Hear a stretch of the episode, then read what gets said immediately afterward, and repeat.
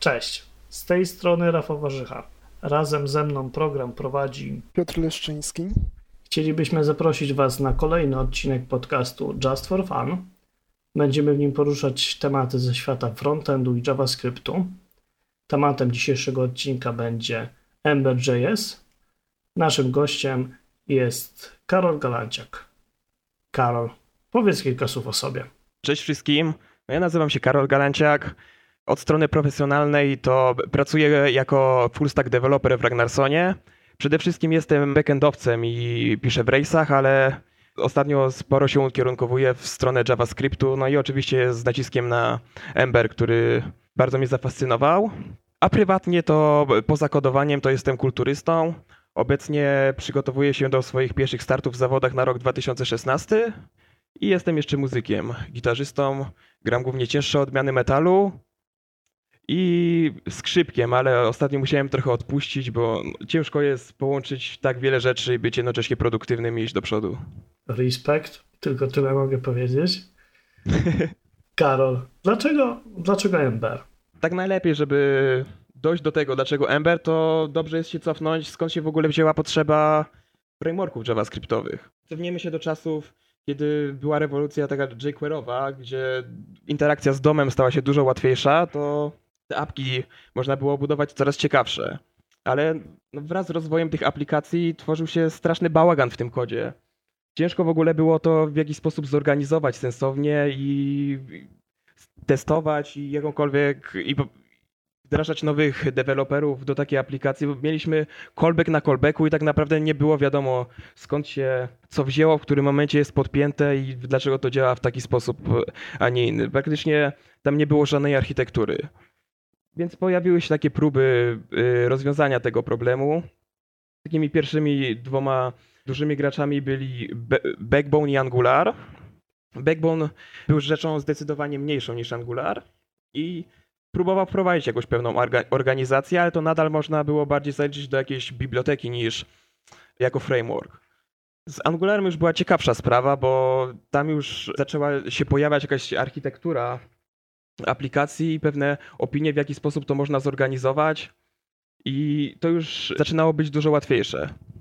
Jednak jak się popisze trochę dłużej w Angularze, to wyjdą pewne niedoskonałości, szczególnie takie sprawy jak dyrektywy i to, w jaki sposób scope działa, bo tam są trzy rodzaje scope'ów i dlaczego coś zadziałało w ten sposób, a nie inny. Yy, brak jakichś yy, mocniejszych opinii w środowisku odnośnie tego, jak zorganizować jakiś y, bardziej skomplikowany kod, no i wracaliśmy trochę do takiego problemu, co mieliśmy z samym jQuery, tylko że powiedzmy w mniejszej skali. A tymczasem pojawia się Ember, tworzony też przez ludzi ze środowiska Railsów, którzy stwierdzili, że ok, my stworzymy wam framework i będziemy mieli, który będzie się opierał na pewnych założeniach, które my uważamy jako doświadczeni deweloperzy, że będą miały zastosowanie do największej ilości aplikacji i narzucimy bardzo dobrą strukturę. Czyli mamy podobnie jak w Race'ach, Convention over Configuration i z góry narzucona architektura. To jest na pewno bardzo duża zaleta, bo przychodzimy do projektu i nie musimy się zastanawiać, kto w jaki sposób kod zorganizował, gdzie co jest i dlaczego to działa tak, a nie inaczej, tylko możemy, mamy pewne oczekiwania i jak to mogło być zorganizowane, w jaki sposób to działa i łatwo jest się wdrożyć do takiego projektu. No inną sprawą jest to, że mamy bardzo bogaty toolset, jeśli chodzi o Embera i tutaj przede wszystkim myślę o Ember CLI, który naprawdę bardzo ułatwia życie. Chcemy stworzyć nową aplikację, to po prostu Ember New, nazwa aplikacji, tak naprawdę mamy gotowy szkielet z, z testami i z package managementem i ze wszystkim, co byśmy potrzebowali do tego, żeby zacząć rozwijać aplikację. Wspomniałeś o toolsecie. Jest na tyle dobry, że został zaadaptowany do Angulara. tak. Wczoraj próbowałem bawić się z Emberseli, próbowałem też z Angularowym. Angularowy bardzo wyraźnie rzuca wszystkimi zależnościami od Embera na lewo i prawo, bo nie mogłem nawet go zbudować. Opowiedziałbyś... Nie próbowałem w Angularze bawić się, ale to słyszałem o tym, że właśnie zaadoptowany został do Ember CLI. Tak. Opowiedziałbyś więcej, jakie możliwości, dlaczego jest to rzecz, która daje wam zysk w pracy z tym frameworkiem? Ember CLI to przede wszystkim Mamy od razu moduły z ECMAScript 6, co ułatwia bardzo organizację kodu. Tak, bardzo mi się to Mamy- spodobało. Mamy gotowy konfig całej y, aplikacji z, z podziałem na środowiska. Mamy development, mamy production, mamy środowisko testowe, mamy package management, tutaj Bower i NPM. Mamy wsparcie dla SASa, mamy od razu build tool, asset compilation i mamy łatwy sposób rozwijania pluginów dla naszej aplikacji, czyli Ember Add-ons. Mhm.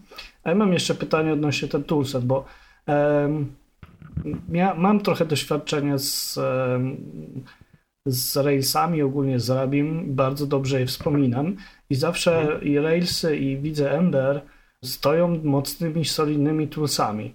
I tak jak w Railsach, nie wiem jak, jak ty, bo ty się tym zajmujesz jakby bardziej profesjonalnie niż ja, no Mhm. to scaffolding był używany do tam stworzenia szybkiej aplikacji na boku. Raczej tego się nie używało w, w większych aplikacjach, jednak deweloperzy, przynajmniej ci, z którymi ja miałem do czynienia, raczej to robili ręcznie, korzystając z narzędzi jak najbardziej, ale tak e, poprawiali po nich, o tak to nazwę delikatnie. A jak to jest z Emberem? Czy, czy moduły w pracy twojej e, tworzysz właśnie przy użyciu tego scaffoldingu, czy, czy jednak ręcznie? Scaffold to tak naprawdę i w, zarówno w i w Emberze to chyba użyłem raz i to było przy pierwszym tutorialu, a tak na co dzień to scaffoldu w ogóle nie używam, to raczej generuję sobie albo po prostu jakiś pojedynczy model, kontroler czy tam komponent, żeby to się od razu wygenerowało z testami, bo od razu mamy setup gotowy, ale też często po prostu tworzę to z palca, bo tak naprawdę du- du- dużo czasu nie zaoszczędzimy dzięki tym generatorom. I to też, e, to też jakby pamiętam, że ta opcja jest, ten e, Ember CLI i e, w te te mnogość opcji, te środowiska, które są od razu podefiniowane, gdzie dla przykładu w Angularze czy w ogóle takich pojęć e, nie ma, to trzeba albo samemu wymyślać, albo samemu dochodzić, albo korzystać z bibliotek, to tutaj jest by design.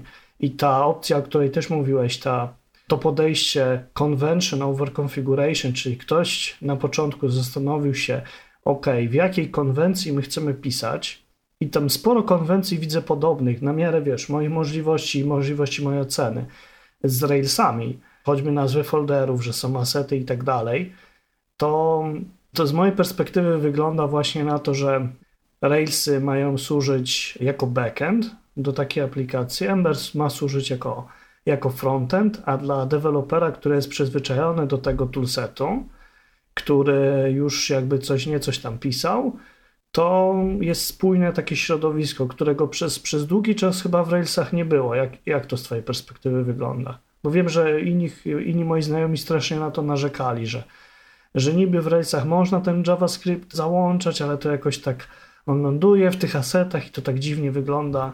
Kwestia JavaScriptu w Race'ach to była rzecz zawsze, powiedzmy, na odwal trochę zrobiona. Bo nawet teraz, pomimo że ECMAScript 6 nie jest już takim zupełnie nową rzeczą, to nie jest to jakoś bardzo dobrze wspierane i trochę to jest e, naokoło zrobione, więc to jest e, generalnie kwestia problematyczna. JavaScript w Race'ach jest tak potraktowany, że okej, wiemy, że coś takiego istnieje, ale bardzo się na tym nie skupiamy. No właśnie, właśnie stąd, stąd ten mój komentarz. Nie to, że jakby próbuję to porównać, po prostu dla mnie ten ekosystem jest spójny. Ember plus Railsy na backendzie, one się do siebie zaczepiają, tak jak o ile się nie mylę, mechanizm szablonów, czyli handlebars jest jakby silnie obecny w Emberze, jest wykorzystywany przez Embera. Tak samo jest dostępny w Railsach. Tak, też są handlebars w Race'ach. Tylko, że w sumie nigdy nie widziałem chyba aplikacji produkcyjnej, która by z tego korzystała. No, no po prostu wspominam jako taką cieka ciekawostkę przyrodniczą, bo też w kilku aplikacjach takich dla, dla zabawy powiedzmy, dla for fun, bawiłem się właśnie z handlebarsami po stronie rejsów i to też była jakby teraz ciekawostka, otwieram, otwieram Embera, tu handlebarsy mnie atakują. I mówię, o, o, co już widziałem wcześniej, więc to, to nie jest nowość. Jest jeszcze coś takiego jak te komponenty, trochę i addony, o których wspomniałeś. To jest w ogóle nowość. My z Piotrem piszemy aplikacje na co dzień w Angularze, ale jesteśmy jakby otwarci na wszystkie, wszystkie co ciekawsze biblioteki, także React, Aurelia ostatnio, czy ogólnie e, biblioteki w ogóle niezwiązane jakby z głównym nurtem, takie jak Meteor, są nadal w strefie naszych zainteresowań. I to, czego nie ma w tych, tych jakby konkurencji, a jest w Emberze, to są jego komponenty i, i, i, i addony. Wiemy na przykład, że jest coś takiego jak Ember Data. I jak, jak powinienem to rozumieć? Ty korzystasz z czegoś, z czegoś takiego? Znaczy, Ember Data to nie traktowałbym tego jako w kategorii addona albo komponentu, tylko raczej część korową, która nie jest jakoś zupełnie przywiązana do samego Embera, ale jednak jest to core. No właśnie, właśnie do tego chciałem przejść, bo tam ja Embera rozumiem bardziej jako federację modułów, które są, to są związane tak delikatnie i można wyjąć kawałek, to podejście takie gemowe trochę, właśnie jak w, w Railsach, można wyjąć kawałek, zignorować, zamienić i to w sumie nadal będzie działało. Jaki jest ten set takich komponentów, z których ty używasz albo polecasz? Oprócz y, Ember Data, no to Ember CLI jest taki jakby, no niby nie jest to zupełny core Embera, ale jednak no wszystkie aplikacje teraz praktycznie powstają z użyciem Ember CLI. I myślę, że to są takie dwa główne komponenty, których po prostu są używane do każdej aplikacji. A tak trochę o architekturze, bo to też mówiliśmy o tym, że jest ten podział na pluginy i na tą na komponenty wewnątrz aplikacji. Jak, jak to jest ze strukturalizacją kodu? Jak masz do napisania jakiś kawałek kodu w ramach, e, w ramach aplikacji, jak po prostu do tego podchodzisz zgodnie z filozofią Embera? O architekturę to pytasz y, wewnątrz aplikacji, czy. Ogólnie. Mm. Jak, gdy masz konkretny problem do rozwiązania, masz jakiś kawałek e, aplikacji, którą chcesz później reużyć gdzieś wewnątrz aplikacji. Masz po prostu komponent, który chciałby się reużyć. W jaki sposób to strukturalizujesz? Generalnie staram się to od razu na początku y, jakby nie spinać z główną częścią aplikacji, tylko żeby to był taki komponent w miarę samodzielny. Nie, nie wyrzucam tego od razu do samodzielnego addona. Development będzie w takim przypadku dużo trudniejszy, bo sam na początku mogę nie wiedzieć, jak to ma w 100% działać, bo jak się w 100% wie, co chcemy uzyskać, no to jest zdecydowanie łatwiej, tylko taki bardziej loosely coupled to, do, y, do głównej części aplikacji. Jasne. A te addony, o których mówiłeś, co wpychasz w addony? To jeżeli wiem, że jakiś e, komponent albo jakiś, jakąś część funkcjonalności będę chciał wykorzystać w innej aplikacji, to wtedy przerzucam to do addonów. Jasne. Ale używasz jakoś tych addonów pomiędzy aplikacjami? Zdarzyło ci się jakieś takie komponenty reużywać? Tak. E, ostatnio właśnie zajmuję się rozwijaniem takiego ciekawego addonu Ember Data Partial Model. Mhm. I żeby jakoś nie wchodzić bardzo w szczegóły, to jest to pewien dodatek do Ember Data, który wprowadza takie jakby dodatkowe relacje, żeby można było mieć, żeby API mogło zwracać e, tylko te pola, które są potrzebne przy danej akcji. Generalnie o wiele lepszy performance mamy w ten sposób i jest to dodatek do Ember Data, gdzie praktycznie działa out of box. Jasne. I puściłeś to na NPM-a, czy to jest jakoś dostępne? Tak, to jest na NPM-ie. Dzisiaj prawdopodobnie jeszcze y, wypuszczę nową wersję ze wsparciem dla JSON API, więc to już praktycznie będzie można wykorzystać w każdej aplikacji. Respekt, jednym słowem. Pozwolisz, że wrócę do architektury. Czego można się spodziewać dla osób, która nigdy nie miała styczności z Emberem? Generalnie tych warstw w Emberze jest trochę więcej niż na przykład w takim Angularze.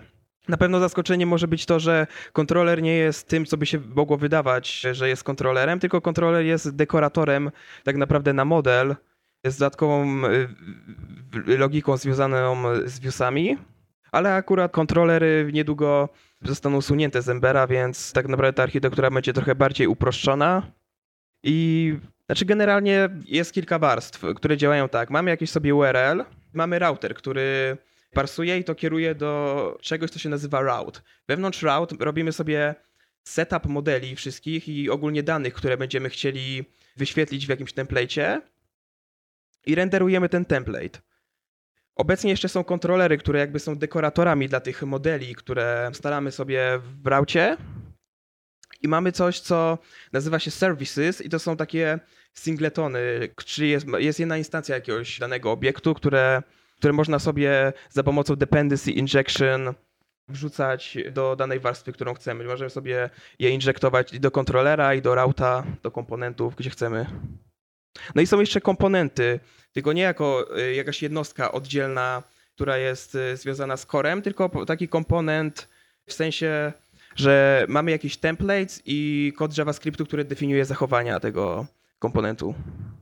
No i oczywiście modele, które są, za które głównie odpowiada Ember Data. Opowiedziałbyś trochę o Ember Data, bo przyznam szczerze, że nie wiem, co to dokładnie jest. To jest po prostu jakaś warstwa abstrakcji na modelu? E, tak, to jest taki nasz data layer e, wewnątrz aplikacji. Bo generalnie w JavaScriptie, jeżeli chcemy sobie radzić z komunikacją z API i to najczęściej się kończy to na Ajaxie, a Ember Data jest e, taką dużą abstrakcją w stosunku do Ajaxa, gdzie po prostu mamy udostępnione jakieś wąskie API tego, gdzie po prostu możemy na przykład na modelu wywołać save i Ember Data to dalej po prostu przetworzy i zrobi request do odpowiedniego endpointa, pobierze dane z tego endpointa i, i będzie cache'ował powiedzmy te dane, które że, y, już otrzymał z API. Taka wysokolevelowa abstrakcja nad połączeniem tak, tak. z e, backendem. Tak, generalnie sam sposób to, w jaki Ember Data jest zbudowany jest y, bardzo ciekawy i łatwo to rozszerzać, bo tak naprawdę to są takie trzy podstawowe warstwy, czyli sam model, gdzie mamy jakieś tam atrybuty tego modelu, ale mamy też coś takiego jak adapter i serializer. I adapter to jest warstwa, która odpowiada za komunikację z backendem, czyli y, wykonuje te wszystkie e, Ajaxowe requesty. I jest też serializer, który po prostu obsługuje to. Otrzymujemy jakiś payload y, z API i serializer tłumaczy na, na strukturę, która będzie zrozumiała dla Ember Data i jednocześnie mając jakiś obiekt, serializuje to do hasza, który będzie w takim formacie, jaki obsługuje nasze API na backendzie. Słyszałem po prostu, że Ember Data to jeden z killer feature'ów Embera. W Angularze też jest coś, co się nazywa Angular Data, ale to dawno nie zaglądałem, ale generalnie to też był duży problem, bo po prostu się operowało na zwykłych haszach, które tak naprawdę no, za dużej abstrakcji tam nie było. Tak, serwis HTTP, którego trzeba używać do komunikacji domyślnie. Ewentualnie samemu generować warstwę abstrakcji. A druga rzecz, o której dużo dobrego słyszałem, to właśnie handlebars i HTML bars. Nie wiem, czy. E, też wiem, że wiele osób to reklamowało jako rzecz, która wpływa dramatycznie na performance Embera. Usprawniła go w którejś wersji bardzo znacznie. Opowiesz coś więcej? Dlaczego to jest wyjątkowe podejście do template'ów? Znaczy same y, handlebars są y, o tyle fajne, że tak naprawdę nie możemy za dużo tam logiki wrzucać. To bardzo pomaga o tyle, że łatwe te viewsy będą, znaczy template'y będą do utrzymania i nie będziemy tam widzieć jakichś niespodzianek. To szczególnie w Race'ach był problem, że jak coś nie pasowało do kontrolera tak zupełnie, to dużo osób to upychało we viewsach i te viewsy były praktycznie nie do zrozumienia i jak się później zaglądało, to nie wiadomo, co się, co się tam działo. Jasne. Ja mam jeszcze pytanie o jedną rzecz. To jako rejsowiec będziesz wiedział, dla mnie to było troszeczkę zaskoczenie, i jeżeli chodzi o Ruab, jeżeli chodzi o Race'a, jeżeli chodzi o e, Embera. Kwestia update'ów, bo w community Angulara teraz update do tej majorowej wersji 2.0, no to wszyscy po prostu chodzą po ścianach, to jest wielkie wydarzenie na miarę tam XX wieku, a patrząc jak e, rozwija się Ember, tamte wersje są trzaskane w cudzysłowie, no bardzo szybko i, i, i jakby wolumin zmian jest dosyć duży. I tak się zastanawiam, jak to jest, jak się pisze taką aplikację, bo zmiany w, nie wiem, w cyklu życia czy, czy Reacta, może React troszeczkę teraz przyspieszył, to React Native i, i te, te, te kwestie troszkę to zmodyfikowały, ale Angular tak dynamicznie się nie rozwija. W wypadku Embera, jak, jak patrzę na jego linię rozwojową, to się trochę miejscami za głowę łapie, bo to jak wyglądał Ember jeszcze rok temu, kiedy jakoś poważnie się nim zajmowałem, A jak wygląda teraz, to jest dramatyczna różnica. Jak, jak, sobie, jak sobie z tym radzisz? Znaczy, generalnie kwestia upgrade'ów to można podzielić na dwa takie okresy. Przed Emberem 2.0 i po Emberze 2.0. No, parę miesięcy temu wyszedł Ember 2.0 i te update'y już od tego momentu są raczej bezbolesne. No, nawet już update z 2.0 do 2.1 to nie jest jakieś wielkie wydarzenie i nie jest to jakiś problem. Ale przed Emberem 2.0 no to była bardzo problematyczna kwestia, szczególnie jeszcze jak Ember Data było tam wersja 1.0, beta 11, 12 i tego typu wersje, to po prostu co drugi update jak robiłem, to aplikacja nie była w stanie się odpalić. Bo największy problem był to, że no, bardzo szybko Ember ewoluował, a addony i, tam, i wszelkie pluginy nie były utrzymywane przez twórców, więc y, problem był taki, że właśnie te pluginy były największym źródłem problemu, bo własny kod to nie jest tak trudno zupdate'ować, szczególnie jeżeli się to robi po prostu z wersji na wersję, a nie o kilka wersji do przodu, ale z pluginami było tyle problem, szczególnie jak mieliśmy coś złożonego, które na przykład obsługiwało całe client-side validation albo budowanie formularzy, bo po prostu w pewnym momencie trzeba było to wszystko wyrzucić i przepisać na własną rękę, jeżeli zależało nam oczywiście na update'cie. Część niestety z takich dużych y, pluginów nie była dalej utrzymywana, więc to było naprawdę bolesne czasami. Tak, to znamy to wszyscy i chyba niezależnie od frameworka technologii, jak ktoś dotyka JavaScriptu, to wie, że jak ktoś kiedyś popełnił jakiś moduł i wrzucił e, to na NPM-a, to jest procentowa szansa, że on jeszcze żyje i istnieje, ale ten procent jest stosunkowo niski. No ale cóż, no, sam niestety mam na koncie kilka modułów, które już nie utrzymuję, a jeszcze wiem, że ludzie z tego korzystają, bo są downloady i no cóż mogę powiedzieć, no przepisanie ich na nowsze wersje jest ekstremalnie czasochłonne i szukam maintenancerów, ale jeszcze ich nie znalazłem. Więc e, no, zdaję sobie sprawę, że sam jakby palec też do, do tego stanu rzeczy przyczyniam, ale no cóż, w tak dynamicznie rozwijającym się środowisku to się, to się, to się nie dziwię. E, o ile dobrze pamiętam, Ember był chyba pierwszym dużym frameworkiem, takim znanym z imienia, który zaczął korzystać z modułów ES 2015 e, czy tam ES6. Różnie to teraz ludzie nazywają. I tutaj nie było chyba wielkiego problemu w tym, żeby napisać wsparcie dla modułów i tak iteracyjnie dochodzić, czy tam ewolucyjnie dochodzić do pewnego stopnia stabilności rozwiązania. No bo tutaj znowu porównuję to do środowiska angularowego. Do tej pory czekamy na Angulara 2.0, który ma już mieć te wszystkie moduły i wszystko ma być już super i w ogóle ma być taki performanceowy, że oj, oj, oj. No i się nie doczekamy, a e, nie doczekujemy w znaczeniu, bo jest w tym momencie w Alfie. A no w Emberze już jest. Tak, na pewno zaletą Embera jest to, że tam jest dosyć szybka adaptacja tych nowych wszystkich feature'ów z JavaScriptu i tak samo nawet możemy teraz korzystać z funkcji, które będą dopiero w ECMAScript 7. To ja już zacząłem na przykład w aplikacjach korzystać e, z dekoratorów i niedługo prawdopodobnie zacznę też z Async Await, które jest e, bez problemu dostępne, a naprawdę ułatwia życie. Zaczynam zazdraszczać, poważnie zaczynam zazdraszczać. Powiem szczerze, no, no ciężko się z tym kłócić, tak? Można by to zrobić w Angularze jak najbardziej Webpack plus e, transpiler oczywiście JavaScriptowy chyba dał, powinien da, da, dać radę.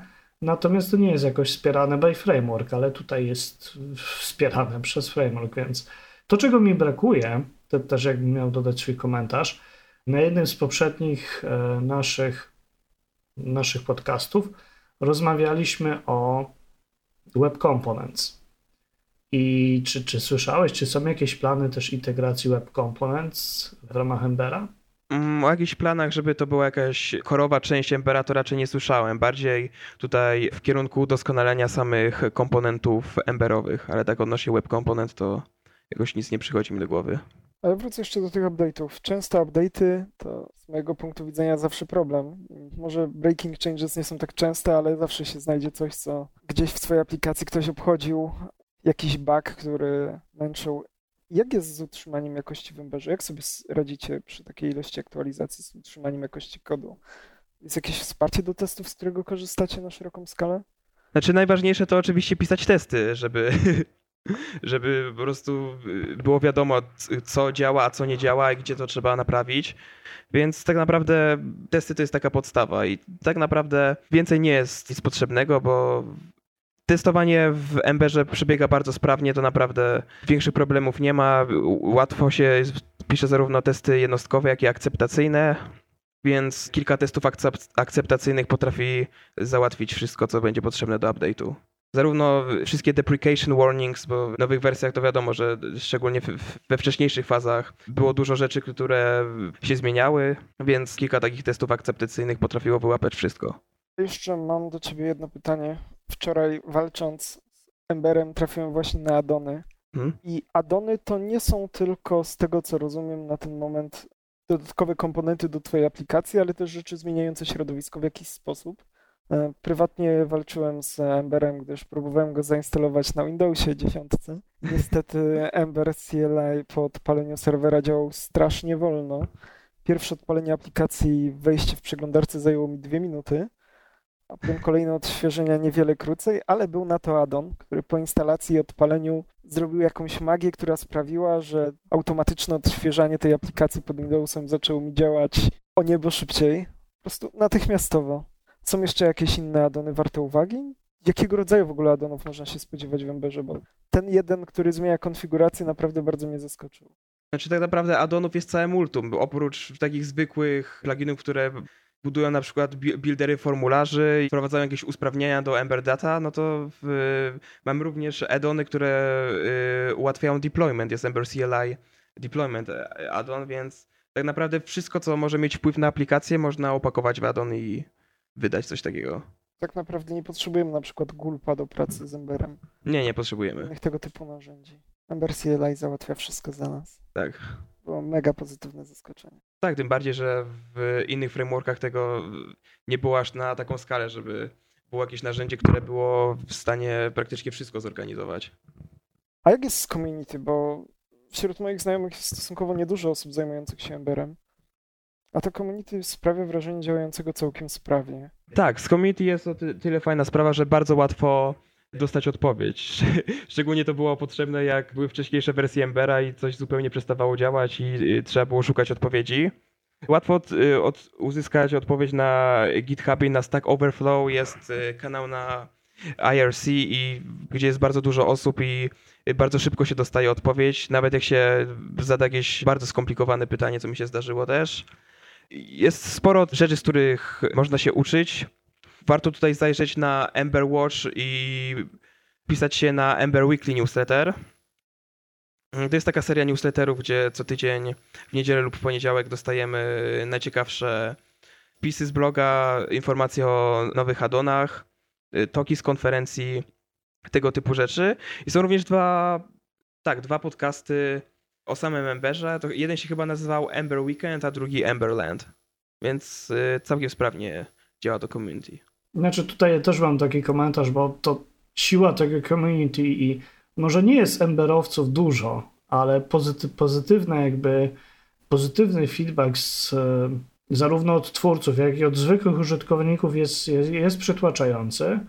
To nie jest standardem, wydaje mi się. W naszej branży to jest coś, coś pozytywnego, co wydaje mi się przyszło razem z kulturą Railsów i z kulturą Rabiego, że ta pozytywna pozytywne community. Znaczy, przyszło też parę innych rzeczy razem z kulturą Railsów, kwestie związane jakby z konferencjami i tak dalej, ale to jest temat chyba na inny tok. Jeszcze odnośnie testów, tak przypomina mi się jedna kwestia, co uderzyło mnie w, e, w Emberze, że tam używa się do testowania QUnita defaultowo. Czy ty też używasz QUnita? To jak to wygląda? Bo jestem, ja jestem przyzwyczajony do Moki czy, czy, czy, czy Jasmine, a QUnit jakoś tak nigdy nie miałem z nim poważniejszego romansu. E, tak, defaultowo Ember CLI korzysta z Ember QUnit, który jest lekkim rozszerzeniem w stosunku do samego QUnita, ale No jest to, nie jest to jakieś bardzo skomplikowane narzędzie do, do, testowania. Generalnie te testy są bardzo proste. Tam nie ma jakiegoś skomplikowanego stabowania, moków, tylko głównie robi się y, proste assertions, czy coś y, jest równe temu, czy coś jest falsy albo truthy. I tak naprawdę na początku nie byłem aż y, z tego tak bardzo zadowolony, bo w samych rejsach jestem fanem RSpec'a, a w JavaScriptie takim odpowiednikiem RSpec'a jest Jasmine i się bardzo przyzwyczaiłem do testowania Jasmine'em. BDD. I na początku no, był to trochę problem z przestawieniem się, ale tak naprawdę to po tygodniu lub po dwóch QUnit wydawał się całkiem w porządku i no mimo, że te testy są tak naprawdę bardzo takie najprostszy sposób pisane, to wydaje mi się teraz, że jest to nawet zaleta. No, na pewno działają szybko, to, to, to jest na pewno plus. Co jeszcze zauważyłem też takiego stosunkowo ciekawego z mojego punktu widzenia, to że to jest de facto cała bateria testów, bo taki defaultowy setup w Angularze dla porównania, no to są testy BDD, e, Karma, Jasmine, plus ewentualnie end-to-end w postaci protraktora. A tutaj mamy troszeczkę inne podejście, bo mamy przede wszystkim acceptance test i unit test. Jakbyś mógł w kilku słowach wytłumaczyć, czym to się je w kontekście, w kontekście Embera. Dlaczego taki podział? Znaczy, no, akceptacyjne testy to są tak naprawdę to end-to-end test, czyli odpalamy tak, jak, tak jakbyśmy w, yy, przeprowadzali interakcję w przeglądarce, no to są to te testy najbardziej wysokopoziomowe, żeby sprawdzić, czy dany feature działa tak, jak powinien. A testy jednostkowe, żebyśmy mieli pewność, że dana y, jednostka, dany model, route, controller czy template działa Jasne. tak, jakbyśmy tego oczekiwali. I tak jak ty piszesz testy na co dzień do swoich aplikacji, do, swoich, do swojego projektu, to jak, jak to się stosunkuje? Ile procent piszesz unitek w stosunku do acceptance test? Znaczy na pewno tych unit testów jest y, dużo więcej. Acceptance test raczej to jest jeden lub dwa na jakiś y, cały feature. Generalnie staram się, żeby taki jeden y, test akceptacyjny pokrył jak największą część. No bo wiadomo, te testy są dosyć ciężkie i odpalają się zdecydowanie dłużej niż testy jednostkowe. No i niekoniecznie jest to taka warstwa, która powinna testować jakieś e, edge cases, jakieś detale w stosunku tego, czy jakaś część działa tak, a nie inaczej. Generalnie jest to taki test, żeby mamy user story i chcemy zobaczyć, czy to działa z perspektywy samego usera w ten sposób. Na co jeszcze zwróciłem uwagę, to API do testowania, no bo w, w językach właśnie takich jak JavaScript czy Ruby jest istotne, żeby tych testów trochę było, bo to są języki dynamiczne, każdy ma inne jakby feature'y, ale to są języki dynamiczne i nie bronią nas przed całym złem, jakie deweloper może popełnić własną ręką. A zauważyłem, że to API, które daje domyślnie właśnie w ramach e, e, testów akceptacyjnych Ember, jest naprawdę takie, jakbym czytał kawałek dokumentacji. Odwiedź mi taki routing, wypełnij mi taki formularz i kliknij. I to wydaje mi się, że mm, taki tester, osoba zajmująca się tylko i wyłącznie testami, jest w stanie sama napisać, jakby dostała po prostu takie API.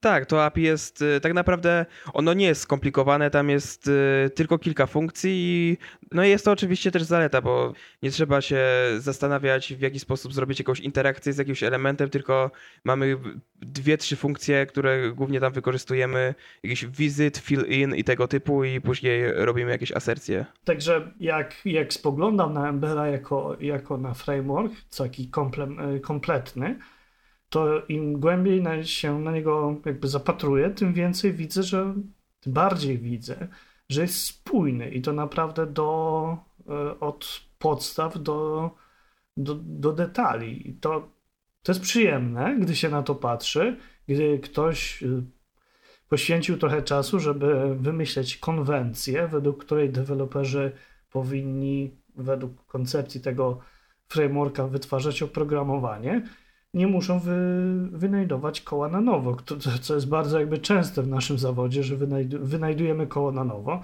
jeszcze ktoś nam za to płaci. Więc e, no, trzeba przyznać, ja byłem, jestem wmurowany, patrząc na ten framework, na to, ile on takich standardowych case'ów, które mamy w, w innych środowiskach, rozwiązuje. Ale żeby tak nie słodzić, bo to, co powiedziałem przed chwilą, nadal po, po.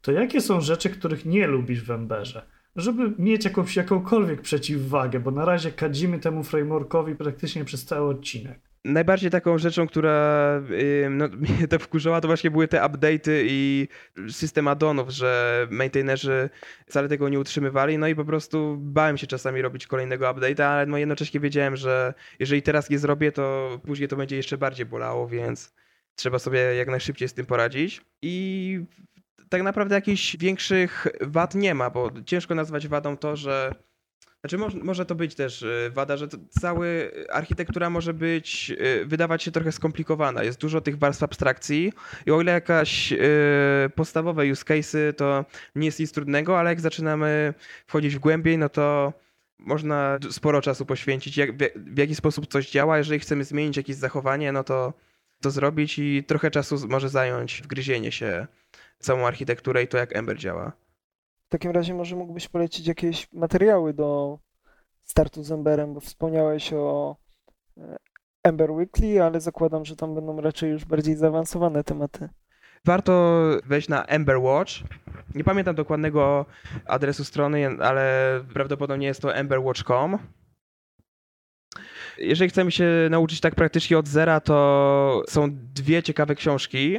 Jedna się nazywa Ember CLI 101 a druga to jest yy, Rock and Roll with Ember.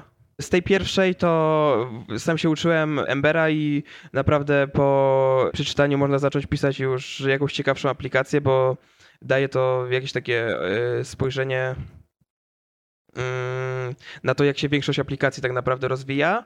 Tej drugiej nie czytałem, ale słyszałem dużo pozytywnych opinii o niej, więc też mógłbym ją polecić ta pierwsza książka została wydana, gdyż na... wczoraj szukając informacji o Emberze trafiłem właśnie na nią z dobrymi rekomendacjami, ale na Linpubie jest informacja, że jest w 99% kompletna i aktualizowana 3 miesiące temu. A to, to 99% tak, tak chyba od dawna to widziałem, więc ona jest tak naprawdę skończona. Już wiele miesięcy temu była tak naprawdę production ready. Czyli nie trzeba się tym przejmować. Nie, nie trzeba. Dla mnie mega pozytywne było to, że po zainstalowaniu tego Ember CLI po prostu wszystko zaczęło działać. Kilka komend i mam dostęp do ES6, czy teraz ES 2015. Wszystko działa, ładuje się w przeglądarce bardzo pięknie. Do problemów, które miałem, są addony, które wystarczy uruchomić. Co prawda zajęło mi to mnóstwo czasu, przegryzienie się za pierwszym razem. No tak, to jest na pewno zaleta, że można bardzo szybko zacząć, nie zastanawiać się w jaki sposób y, ma wyglądać jakaś struktura, tylko od razu możemy zająć się tym, co jest gęste. Mnie, mnie uderzyła komplementarność tego frameworka. Jak e, w innych, w innych aplikacjach trzeba sobie te rzeczy po prostu składać. To jest coś pozytywnego, że możemy sobie złożyć zestaw, e, który będzie nam najbardziej pasował, ale w większości wypadków musimy złożyć ten zestaw, nie możemy. A tutaj dostajemy już coś na start, z czym możemy się zgodzić lub nie, ale dostajemy coś na start, co jest spójne, co jest kompletne, co pozwala nam zacząć pracę już po prostu. Więc ja robię duże oczy i głęboki respekt dla, dla tego frameworka jako dla koncepcji, bo ta koncepcja wywodzi się z, z właśnie z Railsów i tutaj na ten grunt wydaje mi się pada naprawdę podatny. Tak, na pewno y, dużą zaletą jest to, że sam core team Embera ma, y, też sporo ma własnych aplikacji w Emberze, więc mogą powiedzmy właśnie własne opinie z tych aplikacji przemycają do Embera i sz, szczególnie pisząc takie większe aplikacje są w stanie przewidzieć, co może być potrzebne jako y, główna część frameworka, co nie. Jasne. To jest też wa ważne tak, z takiej perspektywy, żeby nie tylko zajmować się pisaniem samego frameworka, bo tak naprawdę można być wtedy trochę oderwanym od rzeczywistości i nie wiadomo, czy coś się pisze dlatego, żeby, żeby do frameworka wrzucić i nikt tego nie będzie używał, czy potrzebujemy coś, co naprawdę ułatwi życie wszystkim programistom. Tak, i można wtedy nie być świadom faktycznych problemów. Jak oglądałem konferencję dotyczącą Embera, to twórcy Embera faktycznie są świadomi tego, co w ich frameworku jest słabszą stroną, co jest mocniejszą i nad czym muszą się skupić. Tak, Jehuda Katz i Tom Dale to zdecydowanie bardzo, bardzo dobrze się orientują w tym, co jest potrzebne i ogólnie w środowisku JavaScriptowym, więc, więc można to uznać, że to jest kolejna zaleta Embera, że właśnie oni są w core teamie. Czas naszego odcinka już powoli, powoli dobiega końca. Karol, dzięki za przyjęcie zaproszenia i interesującą dyskusję. Gdzie możemy znaleźć więcej informacji o tobie, jakiś GitHub, Twitter? Na Twitterze no to można znaleźć mnie pod y, nazwą usera Azdarot, duże A, Z i na końcu TH. Pod tym samym nickiem również na GitHubie, ale prawdopodobnie jak się wpisze Karol Galanciak, to też będzie można od razu to praktycznie znaleźć. Mam prywatnego bloga karolgalanciak.com i również piszę na blogu firmowym Ragnarsona, blog ragnarsson.com.